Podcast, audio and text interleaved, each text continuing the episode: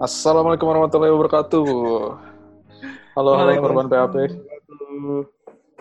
Apa kabar nih di minggu-minggu yang menyenangkan ini? Aduh, motor Menyenangkan ya? Berat nggak sih? Enggak ya? lumayan cuy bro. ya ya sebenarnya kalau gue sih ngerasainnya sama aja Industri Ini Sama aja lah ya. ini kayak kan eh, di rumah terus di rumah aja laptopan gitu kan ini kayak kegiatan hari minggu gue tapi tiap hari gitu hari sabtu hari minggu tapi tiap Tapi hari. banyak kerjaan cuy, nggak hari Minggu. iya Iya. jadinya ya apa yang dilakuin beda cuma ya kegiatannya sama Ya, ya. Tapi udah mulai terbiasa lah ya. sampai malam ya udah gitu dong Ya, ya, ya. Gimana nih korban Ya, ya, korban korban PHP? kan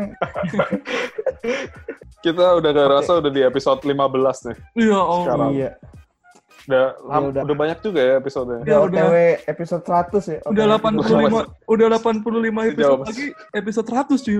Nggak kebayang gua. Iya, Masih jauh, masih jauh, masih jauh aja. Gila 85 episode lagi. Luar biasa. Jadi ini berarti kita belum ini ya, belum terlalu nambah banyak ya. Apa karena corona juga nih? Ya, Emang jadi tidak nambah. kontennya juga tidak nambah. Kontennya juga belum diupload apa. Ini berarti rekaman kedua kita selama WFH lah ya. Pakai Iya. Zoom. Terima kasih Zoom. Terima kasih Zoom Terima kasih Zoom karena Oh. telah menyponsori. Enggak enggak ya, enggak Zoom enggak, enggak menyponsori. memfas memfasilitasi. Zoom jadi Yang menyponsori. Discord, anjir. Oke, jadi tema kita kali ini apa nih, Tok? Tema kita kali ini adalah eh kenapa kita lihat orang dari pekerjaannya. Nah, Waduh. emang kedengarannya kayak eh enggak tuh enggak tuh gitu kan awalnya. Tapi kita lihat dulu nanti lebih lanjut. Gitu. Jadi oke. Ini- pertama Ini muncul Contoh, dari contoh. mana nih? Maksud gue temanya keluar dari mana? Maksud gue ada lu ada kegelisahan atau apa gitu lu Iya. denger. jadi belakangan ini tuh heboh eh, soal apa ya kayak lu tau kasus yang ini nggak? Yang ada dokter dia eh, di Twitter sih. Jadi ada dokter nih. Dokternya ini eh gue nggak tahu ketemu atau gimana ma si jadi ada ada orang jualan distributor cat gitu distributor cat. Terus dia punya masker N95 Oh, terus? Nah, terus sama dokter dokternya tuh kayak dilihat loh, kok ini orang punya N95 sih? Terus ditanya, Pak itu nggak di dihibahin aja ke rumah sakit? Terus kata eh, distributor catnya, eh, oh enggak, udah habis diambil anak-anak buat ini ngecat gitu kan. Dokternya langsung naik pitam. Dia langsung ini, langsung marah-marah gitu di Twitter, di, di grup WA sih. Terus di-upload sama dia di Instagram. Ya biasa kalau orang mau viralin video kan berarti dia pengen cari masa kan ya udah jadinya itu di diviralin gitu Em, habis itu usut punya usut ternyata N95-nya yang tukang cat itu punya itu emang buat pekerjaan yang eh, sering berhubungan sama bahan kimia contohnya ngecat oh jadi N95 tuh ada beberapa tipe dan yang Oh. dipunyain bapak tukang cat ini emang buat pekerjaan kayak ngecat terus bikin Jadi apa nyemen buat- gitu asbes buat tukang gitu ya. buat tukang Jadi secara Jadi- penggunaan sebenarnya dia benar ya. Bener. Bener. Jadi eh, si pokoknya sampai kayak di dihujat gitu sama si dokter kan kayak bapak ini nggak punya otak gini-gini nggak punya hati apa gimana gitu gue lupa. Gitu, kayak dihujat gitu. Nah eh, terus netizen ini mem- memecah jadi beberapa eh, netizen dipecah dua gitu kan. Jadi eh, ada yang gue nggak tahu ada yang bilang dokter atau enggak. Tapi yang pasti banyak yang bikin meme sama si dokter itu. Nah, coba em, terus ada juga yang lain eh, ada waktu itu ada anggota DPR baru pulang dari mana gitu. Terus sama si ada staff Kemenkes minta si anggota DPR-nya ini di dicek dulu kan kayak kan emang lagi zaman corona gitu. Jadi kayak di di mau dicek dites tes dulu terus si Terus orang anggota DPR nggak mau kayak saya ini eh, dewan gitu nggak eh, kamu nggak bisa sembarangan kayak gini gitu gitulah Oh, akhirnya oke. berantem oke. terus dia nggak nggak dicek jadinya akhirnya dia pulang tanpa dicek gitu Iya. Oh, itu DPR ya? Gua, waktu itu gue dengar DPD sih itu ada di DPD, DPD ya? daerah mana gitu. ya Iya, ya D- DPD ya pokoknya kayak dia ngakunya itu ya saya ini perwakilan gitu Emang Iya, kalau iya. waktu DPD lu kebal apa gimana? Yang nggak kebal PDP. Nah, habis itu eh jadi poinnya tuh ini ya sebenarnya. Coba bayangin kalau yang kasus dokter tadi itu kebalikannya. Jadi si tukang cat yang bikin klarifikasi gitu. Ini tuh maskernya buat ngecat gitu. Instead of dokter yang marah-marah gitu. Apa kata orang gitu? Oh, dokternya kan ngomong dia kalau lihat videonya tuh dia ngomong dengan ini tuh buat prosedur ini ini ini buat pakai bahasa kedokteran gitu kan. Hmm. Kalau tukang cat ya paling cuma bisa bilang gini, ini buat nyaring partikel cat biar nggak masuk ke dalam pernafasan gitu doang. Nggak nggak sefancy bahasa dokter tadi gitu. Nah terus kebanyakan netizen eh, untungnya ya dia bisa eh, ngeliat gitu, Pa- apa nggak nggak nggak dengan buta kayak eh, belain si dokternya. Tapi ada juga yang belain dokternya gitu. Menurut lo kenapa fenomena ini tuh terjadi? Gitu? Apa karena dokternya pakai bahasa yang lebih canggih jadi orang percaya, oh ini iya nih mendingan buat dokter gitu. Enggak, pertama mungkin orang nggak ngerti kalau N95 buat tukang tuh ada gitu. Dikiranya N95 tuh buat dokter doang. Iya. Jadi orang bisa kayak jadi, bisa jadi. orang mikirnya kayak wah anjir nih bukannya buat dokter malah buat tukang gitu kan. Nah, padahal ada kan buat tukang. Iya. Ma- maksud- i- maksudnya kan kalau misalkan ya orang udah emosi duluan, tapi kenapa eh maksudnya nggak ada yang nyari fakta di baliknya gitu? Ya harusnya dicari faktanya sih ya. Kayak bener gak sih yang dia iniin apa namanya Eh, masker Makanya ya, masker dokter apa masker apa gitu.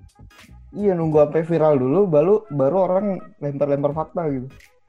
Tapi sebenarnya jadi kayak iya, sih. kelihatan begonya gitu. banyak kayak udah mencak-mencak duluan. dokternya kocak juga kan kayak gitu. Mm-mm, Iya.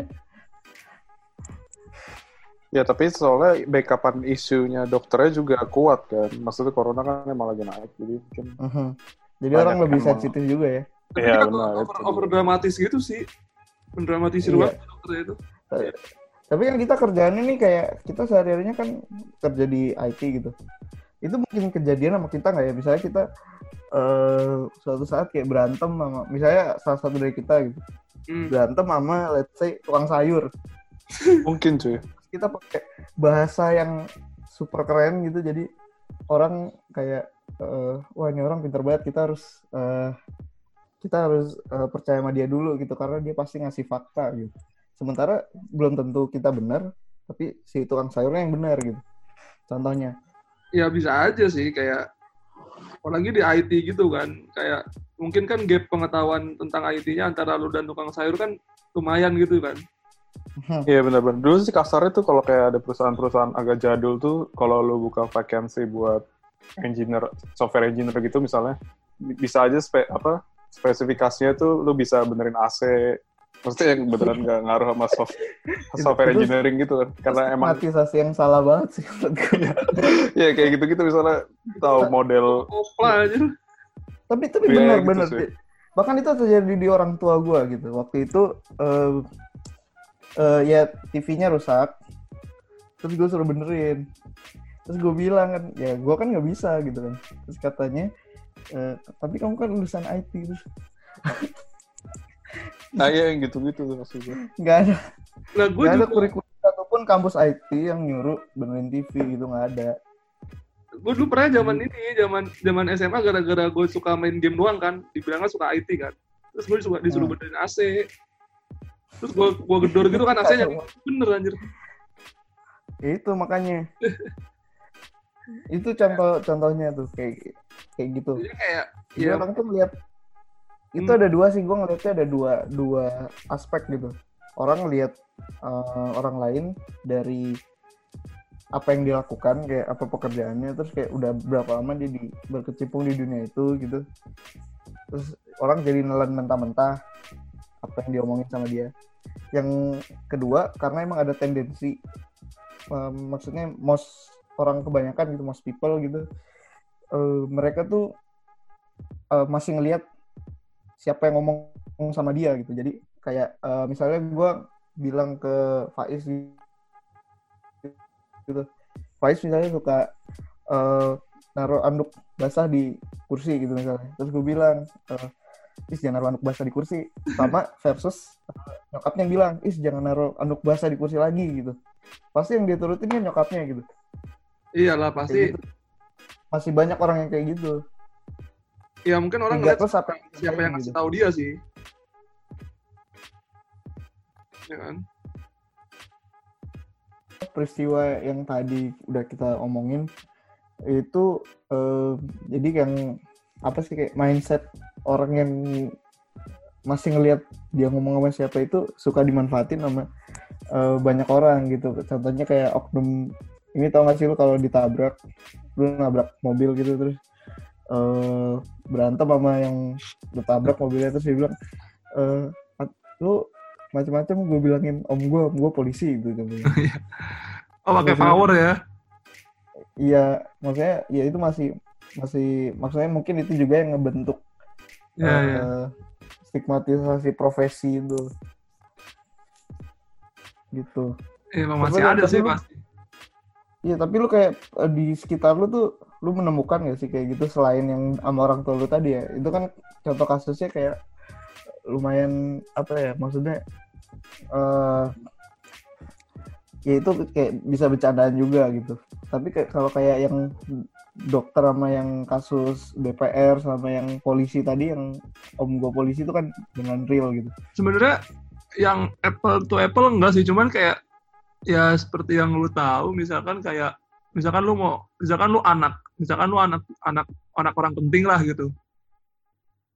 Terus uh, lu lu kayak orang jadi uh, misalkan let's lebih lebih hormat sama lu gitu dibanding dengan orang-orang yang lain yang nggak Iya sih. yang orang tuanya nggak sepenting lu gitu misalkan gitu Iya sih benar. Kadang orang sering kali dapat kelebihan apa sih namanya privilege. ya. ya bukan karena Nah, yang kemampuannya Ya, padahal belum tentu dia tuh ya emang dia ahli di bidang itu. Tapi dalam subjek tertentu atau topik tertentu dia belum tentu ngerti gitu. iya Iya, benar. Tapi di di pekerjaan sehari-hari lu pernah ketemu gak sih kayak gitu kayak eh, orang yang padahal tuh bukan subjek yang dia kuasain, tapi karena dia eh, ngomongnya lebih pede daripada itu. Jadi orang lebih percaya sama dia gitu. M- mungkin sih cuman gue kayak belum pernah ngerasain langsung bener-bener gitu sih iya kayaknya gue belum pernah sih yang iya sih ingat gue enggak sih Oh, beberapa teman gue ada sih dan itu biasanya terkait sama eh, WNA. Jadi kayak ada eh, WNA yang kerja di tempatnya dia gitu. Hah? Pad- padahal eh, untuk bahasan itu kayak topik itu tuh dia tuh biasa aja gitu. Tapi karena dia emang ngomongnya lebih pede aja gitu. Jadi si eh, orang-orang yang nggak ngerti ini lebih bukan lebih percaya ya apa kayak eh, ya ya bener sih lebih percaya sih dia dia dijadiin eh, source informasi yang benar gitu jadi sumber informasi yang benar jadi orang yang yang ngasih informasi baru bakal di dicocokinnya sama si punya orang ini gitu padahal dia belum tentu benar juga gitu nah sih. biasanya WNA tuh WNA WNA dari Confidence negeri- levelnya lah ya bagus ya. Iya, karena karena dia sim, simpelnya karena dia ngomong dengan meyakinkan aja. Gitu. Sebenarnya nih skill skill harusnya yang punya eh, sales gitu, marketing gitu. tapi sebenarnya kadang kalau walaupun lu punya kemampuan tapi lu nggak bisa ya let's say lu ngomongnya nggak jago juga ya mungkin agak susah sih iya kan Iya, iya. iya kan tetap Ya, ya butuh imbang lah gitu cuman ya emang Iya. kadang kalau emang cuma jago ngomong dulu juga kan gimana gitu Tapi kalau lu nggak kenal kan lu nggak bakal tahu kayak, Iya. kayak yang dokter itu kan lu nggak kenal tuh sama dokternya. iya sih Ya lu nggak tahu kan.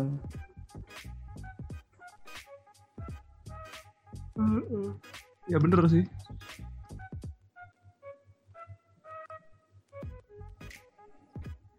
tapi sebenarnya kalau lu, lu lihat di Twitter gitu sih emang orang ngegorengnya ya ya naik-naikin Iya. dokternya sih. Kalau di kalau di Twitter tuh gampang panas gue nggak tahu kenapa.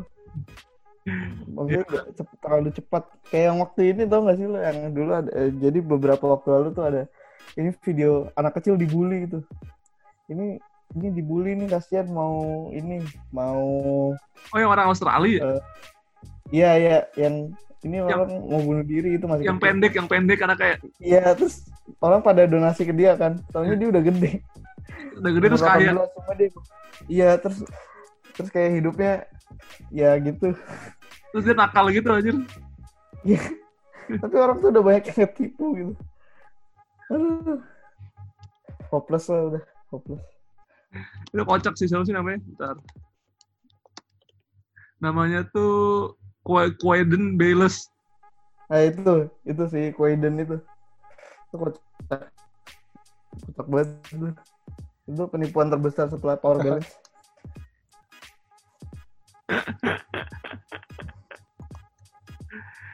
Anjir, anjir. Iya, namanya juga internet, Pak. Ya ya sih kan ya gimana jumlah orangnya juga sangat banyak jadi pendapat juga banyak. Noise-nya banyak, lebih banyak ya. Iya pemahaman orang juga beda-beda. Gimana ya, ini masalah yang yang natural maksudnya eh, ada di setiap orang sih kayaknya. Kayak begini-begini gitu. Nah, jadi ternyata usutnya usut ini tuh ada ilmunya. Ilmu apa tuh? Jadi namanya itu cognitive bias, namanya cognitive bias. Jadi cognitive bias itu apa? Jadi eh, kalau kita kita eh, ngambil jalan pola pikir yang salah sehingga mengambil keputusan yang salah. Nah itu eh, dasarnya itu banyak. Eh, maksudnya penyebabnya itu banyak. Kita berpikir sesuatu yang salah tuh banyak penyebabnya bisa dari karena kita pengalaman, tapi tahunya kasus yang ini tuh beda sama pengalaman yang kita tahu gitu. Itu bisa juga karena praduga, Hmm. ngejudge. Bisa juga karena kita nggak tahu terus nggak nyari lagi. Itu bisa juga. Ini cognitive bias sih banyak banget jenisnya ada 175 jenis cognitive bias. Anjir Hmm. apa? Iya banyak banget. Ini Puyeng nih yang belajar psikologi. Puyeng banget. Yang belajar psikologi. ujiannya sudah ngafalin 175. Ginian, bener aja. Itu klasifikasinya ribet banget sih pasti. Iya, betul. 175 Ada contohnya nggak contohnya? Contohnya eh contohnya itu apa ya contohnya? Kayak orang ada yang bikin mind mapnya dan itu banyak banget sih. Dan penjelasannya nggak ada, cuma namanya doang. Kayaknya ini buat ngafalin nama si anak psikologi buat ujian. Kayak dia bikin mind mapnya gitu doang. Yang lengkap ada di ada di sumber terpercaya kita Wikipedia. Yang nggak boleh itu yang nggak boleh buat citasi. boleh lu citasinya yang bawahnya, jangan jangan link Wikipedianya dong. Citasi sumber aslinya ya. Iya. Nah, contohnya nih ada Oh.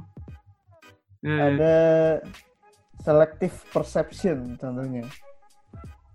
Ten- tendensi untuk ekspektasi mempengaruhi persepsi. Tuh, ini kayak ngejudge gitu. Jadi ya, ya. eh, cara pandang kita ke orang dipengaruhi oleh ekspektasi kita ke orang itu. Ini contohnya salah satu cognitive bias gitu. Kayak yang tadi dibilang kayak misalnya eh, ya ini sering karena kan orang apa eh, ini juga sering bahaya gitu kalau terjadi di eh, dunia kerja. Karena kan yang makanya yang interview itu biasanya orang psikolog kan. Eh, maksudnya backgroundnya psikologi gitu. Yang HR gitu. Karena kalau HR HR-nya nggak tahu ada ginian dia bisa berekspektasi yang tadi ekspektasi yang mempengaruhi persepsi. Jadi begitu awal dia ngerekrut orang terus ngelihat background orangnya dia udah langsung berekspektasi tinggi. Terus pas eh, mempengaruhi perspektif dia waktu dia interview terus jadi kayak eh, makin lama makin eh, ekspektasinya turun gitu. Iya terpengaruh gitu. Si orang yang di interviewnya. iya jadi kasihan double standar gitu kan. Ya. standar ganda. Hmm, gitu ya. Ada ada kutub Aryo tiba-tiba masuk Ini enaknya kalau remote jadi bisa ada tiba-tiba orang masuk kayak Smackdown. Dimsum lu masih ada, Bir? Kayak Masih Undertaker lagi lawan Big Show tiba-tiba ada Kane masuk kan biasanya gitu. Masih ada 93 lagi. Anjir. Lu gue Baru pengen, gue pengen makan. Gimana menurut lu? Apa? Menurut lu gimana? Lu tahu yang ka- kasus dokter versus tukang cat? ya? Oh, nggak tahu gue cuma tahu headline beritanya doang. Belum baca gue. Apa ya dalam beritanya? Yang N95 dipakai itu Chat. Ya. Tapi dari perspektif lu nih sebenarnya yang ngaco siapa sih di sini? Tapi gue belum menelaah lebih dalam sih. Siapa tahu emang tukang cat itu dari dulu udah pakai N95 dari dulu. Emang emang iya. Jadi Ya, ternyata berarti yang kan- 95-nya itu emang buat pekerja kasar yang berhubungan sama kimia, jadi kayak tukang cat, tukang asbes gitu. Ya iya maksudnya itu kan udah jadi Iya. kebiasaan di mata mereka. Jadi ya mereka sendiri juga nggak bisa salah. Kaget Ya, itu mereka. tipe itu ternyata beneran itu tipe maskernya, bukan yang buat tapi emang bisa nyaring ini sih, nyaring virus bisa. Cuma main functionnya bukan itu. Gitu. Tapi sebenarnya berarti kalau orang make N95 tukang buat nyaring virus apa? Buat nyaring virus salah ya harusnya pakai yang lain kan? Eh, gimana? Ya, Yang nggak salah juga, itu ter- ternyata setelah ditelaah mungkin emang, emang ngaruh gitu, Is. Nggak maksudnya ngaruh ke virus. lumrahnya dipakai buat tukang cat, ya kan? Iya, Iya. Ma- fungsi utamanya Iya. itu buat yang tukang chat gitu-gitu. Nah jadi eh, ini Wir, jadi kayak gimana kalau kebalik gitu yang bikin klarifikasi itu bukan dokternya tapi tukang catnya. Iya benar, itu- dokter. Iya maksudnya dokternya kan lebih kayak kelihatan lebih kredibel karena dia ngomongnya udah pakai bahasa bahasa kedokteran gitu kalau lihat udah udah lihat videonya gitu. Ya padahal dia salah gitu di di di, di konteks ini dia salah. Ya, cuma nggak bisa tuh- juga karena emang kondisinya lagi begini sih. Iya, Nah, tapi orang jadi dia mancing ini loh kayak apa sih? Oh, jadi mancing stigma negatif Iya. buat tukang cat. Gimana? Memancing stigma negatif buat tukang cat. Iya itu juga sih, itu termasuk salah satu efek sampingnya. Ntar ada dokter versus tukang cat. Tapi lu lu pernah, ini kan lu lu kerja di perusahaan yang banyak WNA-nya nih, eh, nah, lu pernah nggak sih nemu kayak ada WNA yang emang at- atau, atau teman lu yang lain lah gitu, jadi dia nggak punya keahlian, mungkin dia punya keahlian di suatu bidang, tapi waktu itu dia suruh menangani bidang yang mungkin dia masih asing, tapi karena dia ngomongnya kayak percaya diri banget, orang jadi malah percaya sama dia dibanding sama mungkin orang lain yang punya keahlian di bidang Ya, itu skill lebih- skill berpolitik. Seperti itu emang. emang nature-nya orang tuh punya kognitif bias ini. Ya iyalah itu kan itu kan skill politik. Lu bermain ya begitu. tapi itu kan gue kadang-kadang gak usah orang jauh kadang-kadang gue sendiri kayak gitu kadang-kadang gue sendiri kayak gitu misalnya kayak gue buat ngerasa kayaknya dia lebih jago cuman gue nggak tahu kenapa somehow ngomongnya lebih lancar aja gitu Iya. jadi kayak gue ngerasa Hmm. lebih kompeten aja gitu padahal Mhm. padahal padahal gue gue gue nyadar kalau misalkan gue disuruh kerjain ini beneran gue mungkin nggak sebagus itu hasilnya cuman gue sadarin kok ngomong gue lagi rapi ya gitu orang jadi kayak lebih oh iya iya iya gitu Emang biasanya ngomongnya gimana nggak koheren gitu. Eh, gitu. nggak Nggak gue baru nyadar pas gue ngomong gue kayak expert di bidang Saya itu makan gitu lagi. padahal gue ngomongnya nggak segitunya Tapi itu membangun stigmatisasi ke orang yang emang bener, maksudnya beneran ahli di bidangnya. Jadi orang ngira dia nggak terlalu jago. Dia malah ngambil lu sebagai source of truth-nya, sumber kebenarannya gitu. Itu bahaya nggak sih maksudnya? Ya iya sih Iya. Sebenarnya berbahaya nggak berbahayanya tergantung motif orang yang jago ngomong itu apa gitu sih. Iya benar. Ya kan? Benar-benar itu. Ada dorongan Cuma motivasi.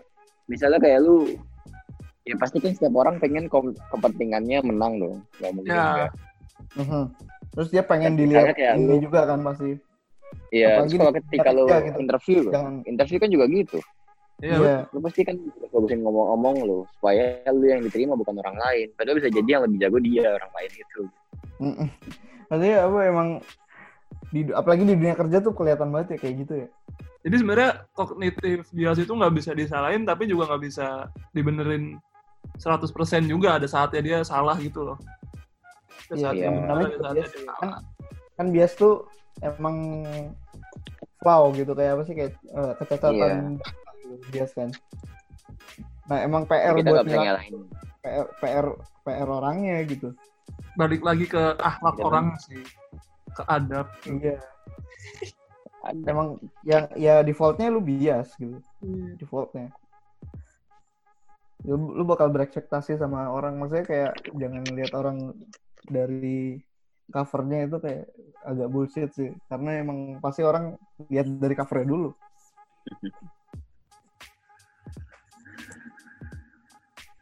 gitu. Pasti dia eh, yang pertama dilihat waktu ketemu ya covernya dulu. Baru ya, dia cara ngomong. Lu eh, baru dia eh, background check dan segala macam. Gitu. Gitu itu kan sama kayak dengan lihat cewek dari cantiknya ya nggak bisa cantiknya doang yang kelihatan di awal. Nanti kalau udah belum lagi. Iya. Oh gitu, Wir. ya pasti begitulah pasti yang lu lihat yang luar dulu nanti kalau luarnya udah, udah oke acceptable bagus itu baru masuk ke dalam. Acceptable tuh kayak nurunin standar. acceptable. Ya gue nggak tahu kan siapa standarnya beda acceptable kalau ini asapnya banyak acceptable. Ya Allah. kalau dirasa tidak ada keluhan semuanya baru masukkan ke dalam. Apa keluhan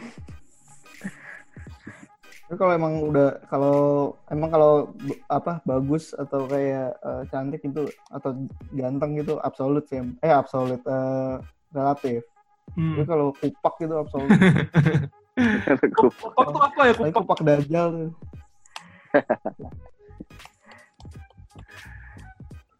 Kasihan. emang emang emang dia emang jadi kita berini aja ya menerima gitu kalau kita emang bias gitu kalau kalau Ya ngelihat pada dasarnya kita memiliki Iya. sifat bias.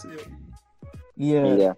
Ya lagi dokter ngomongnya dengan koheren yang bagus kan juga dia nggak ada niat negatif. Dia emang emang, emang apa boleh buat yang kebetulan ngomongnya bagus gimana? Hmm. Bisa juga. dia emang dia berpendidikan jadi ngomongnya kayak gitu mungkin karena kepengaruh sama Iya.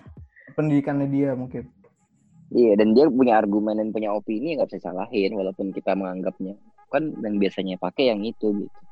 Nah, emang mungkin yang, ini yang salah netizen emang udah yang yang menjadi salah itu ketika lu pakai kemampuan misalkan kemampuan bicara lu untuk membenarkan perbuatan lu gitu padahal perbuatan lu salah Nah, itu baru ya kalau lu udah sadar itu salah ya itu baru bahaya tuh. iya berbahaya itu berbahaya sekali Nah, cuma kan harusnya dokter nggak nggak lah dia nggak nggak nggak memanfaatkan itu sih harusnya. Dia juga pasti punya opini dan kepentingan Iya. juga kan jadi kayak. menurut gue dia cukup berani loh nge-share itu ke sosial media kan itu kan memicu orang naik-naik Siapa sih yang ngasih? itu kan dia dia, dia sendiri dia, pak. dia IG story paling nggak ya IG story apa dia sendiri iya. Iya, IG story IG story. maksud gue dia apa dia nggak mikir orang bakal ngerespon gimana gitu.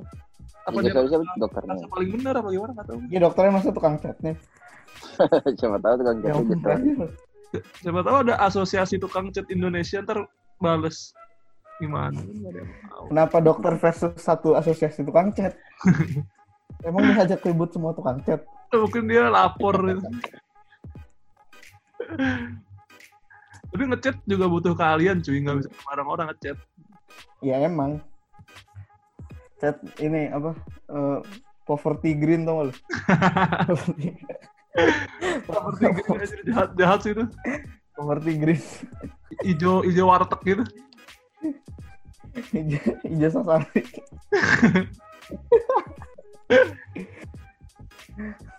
kenapa ya orang banyak yang itu ya? karena kiloan kali ya? Banyak yang catnya begitu. Ya kurang lebih begitulah. Jadi eh, yang salah udah jelas netizen. Kenapa? Karena kognitif bias ini ada di setiap orang. Tapi keinginan orang buat ngilangin kognitif bias ini atau eh, men- me- me- apa ya melatih pola pikir yang lebih baik itu nggak di semua orang ada. Hmm. jadi itu problemnya. Jadi kalau kalau mau lebih baik lagi jadi netizen yang budiman misalnya gitu ya harus cari informasi tambahan gitu. Sebelum berkoar di eh, apa pun itu di sosmed begitu Balik lagi lu yang nyaring beritanya gimana sih? Ya kan? iya iya nih Oke. Jadi gimana nih? Ada ini ya nggak? Ada Apa sih namanya? moral value. Moral value. immoral value Immoral value-nya ada nggak? ya tadi itu yang kalau dari gue itu sih jang, eh, berdamai sama diri sendiri kalau kita pasti bias nilai orang pasti ngejudge awalnya. Ya tapi PR-nya itu di masing-masing buat ngilangin eh, judge mentalnya ini. Jadi kita memvalidasi apa yang kita kira. Jadi sehingga ya sepinter-pinternya aja lah ya. eh, iya judgement kita makin bagus ke orang itu. Maksudnya makin makin clear gitu makin Semakin Makin- objektif lah ya. objektif ya betul Karena pasti ya kalau namanya juga pendapat pasti ada poin-poin subjektifnya sih. Iya, kalau Walaupun enggak ya sedikit mungkin lah ya. Tapi ya itu nggak sepinter-pinter kita aja ngatur seberapa tebelnya subjektivitasnya itu. Iya, kalau enggak ya lu kayak ini debat sama orang eh, yang ngomongnya "Wuh, wuh, wuh," gitu. Nggak ada gunanya.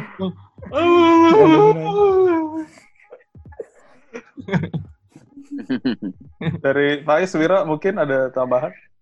Aduh. Ya ya berhati-hatilah se- sebelum membuat isu. Contohnya kalau gue lihat kayaknya yang bikin video juga mikirnya langsung itu kan, langsung kayak nembak. Itu kan buat ini, bukan buat itu. Terus orang-orang jadi ter- trigger semua. Ini klarifikasi, klarifikasi dulu sih. Iya.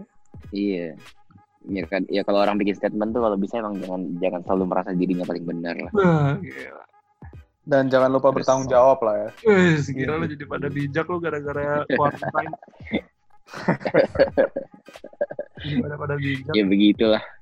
Gak beli isu, isu basah. Netizen juga kan, belum lagi netizennya juga merasa benar juga kan menyerang. Kan ma, netizen mah benar. Jadi ya serba salah ya. Semuanya saling serang. Kalau Pais gimana Pais? Isu Ya, kalau-? Kalau gua mah Apa kabar? Kalau kalau gua mah ya elah kayak biasa ya harus dari kitanya sendiri sih yang filter gitu. Misalkan lu pertama kali lihat nih ya. Wah, lu harus lu jangan langsung ngejudge dokternya atau langsung ngejudge tukang chatnya. Lu lihat aja dulu nih eh, kebenaran beritanya gimana. Iya. Tapi emang kadang yang bikin berita klarifikasi tuh mukanya udah ngeselin duluan. Tapi masalahnya gini, Karena mencak-mencak. Karena dia mencak-mencak. udah mancing, udah mancing.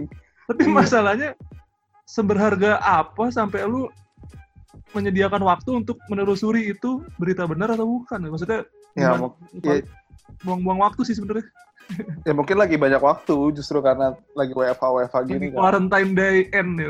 Iya. Iya. Udah, udah, udah kalau orang mau nge-viral itu emang mau cari pasukan. Iya benar. Lu kalau lihat Biar banyak ininya cuy. Biar banyak Biar- biar, banyak reply-nya, banyak retweetnya ntar mutualan kui ya Allah. Ujung-ujungnya ke situ lagi. awas lu sampai tiap hari eh sampai suatu hari lu terkenal terus lu bilang kayak gitu lu lihat aja lu. Gua, gua gak mau di Twitter gua di YouTube. YouTube. Faiz itu ntar kayak gitu. mutualan. Jadi pas lu terkenal tiba-tiba lu kayak nggak bisa nahan gitu.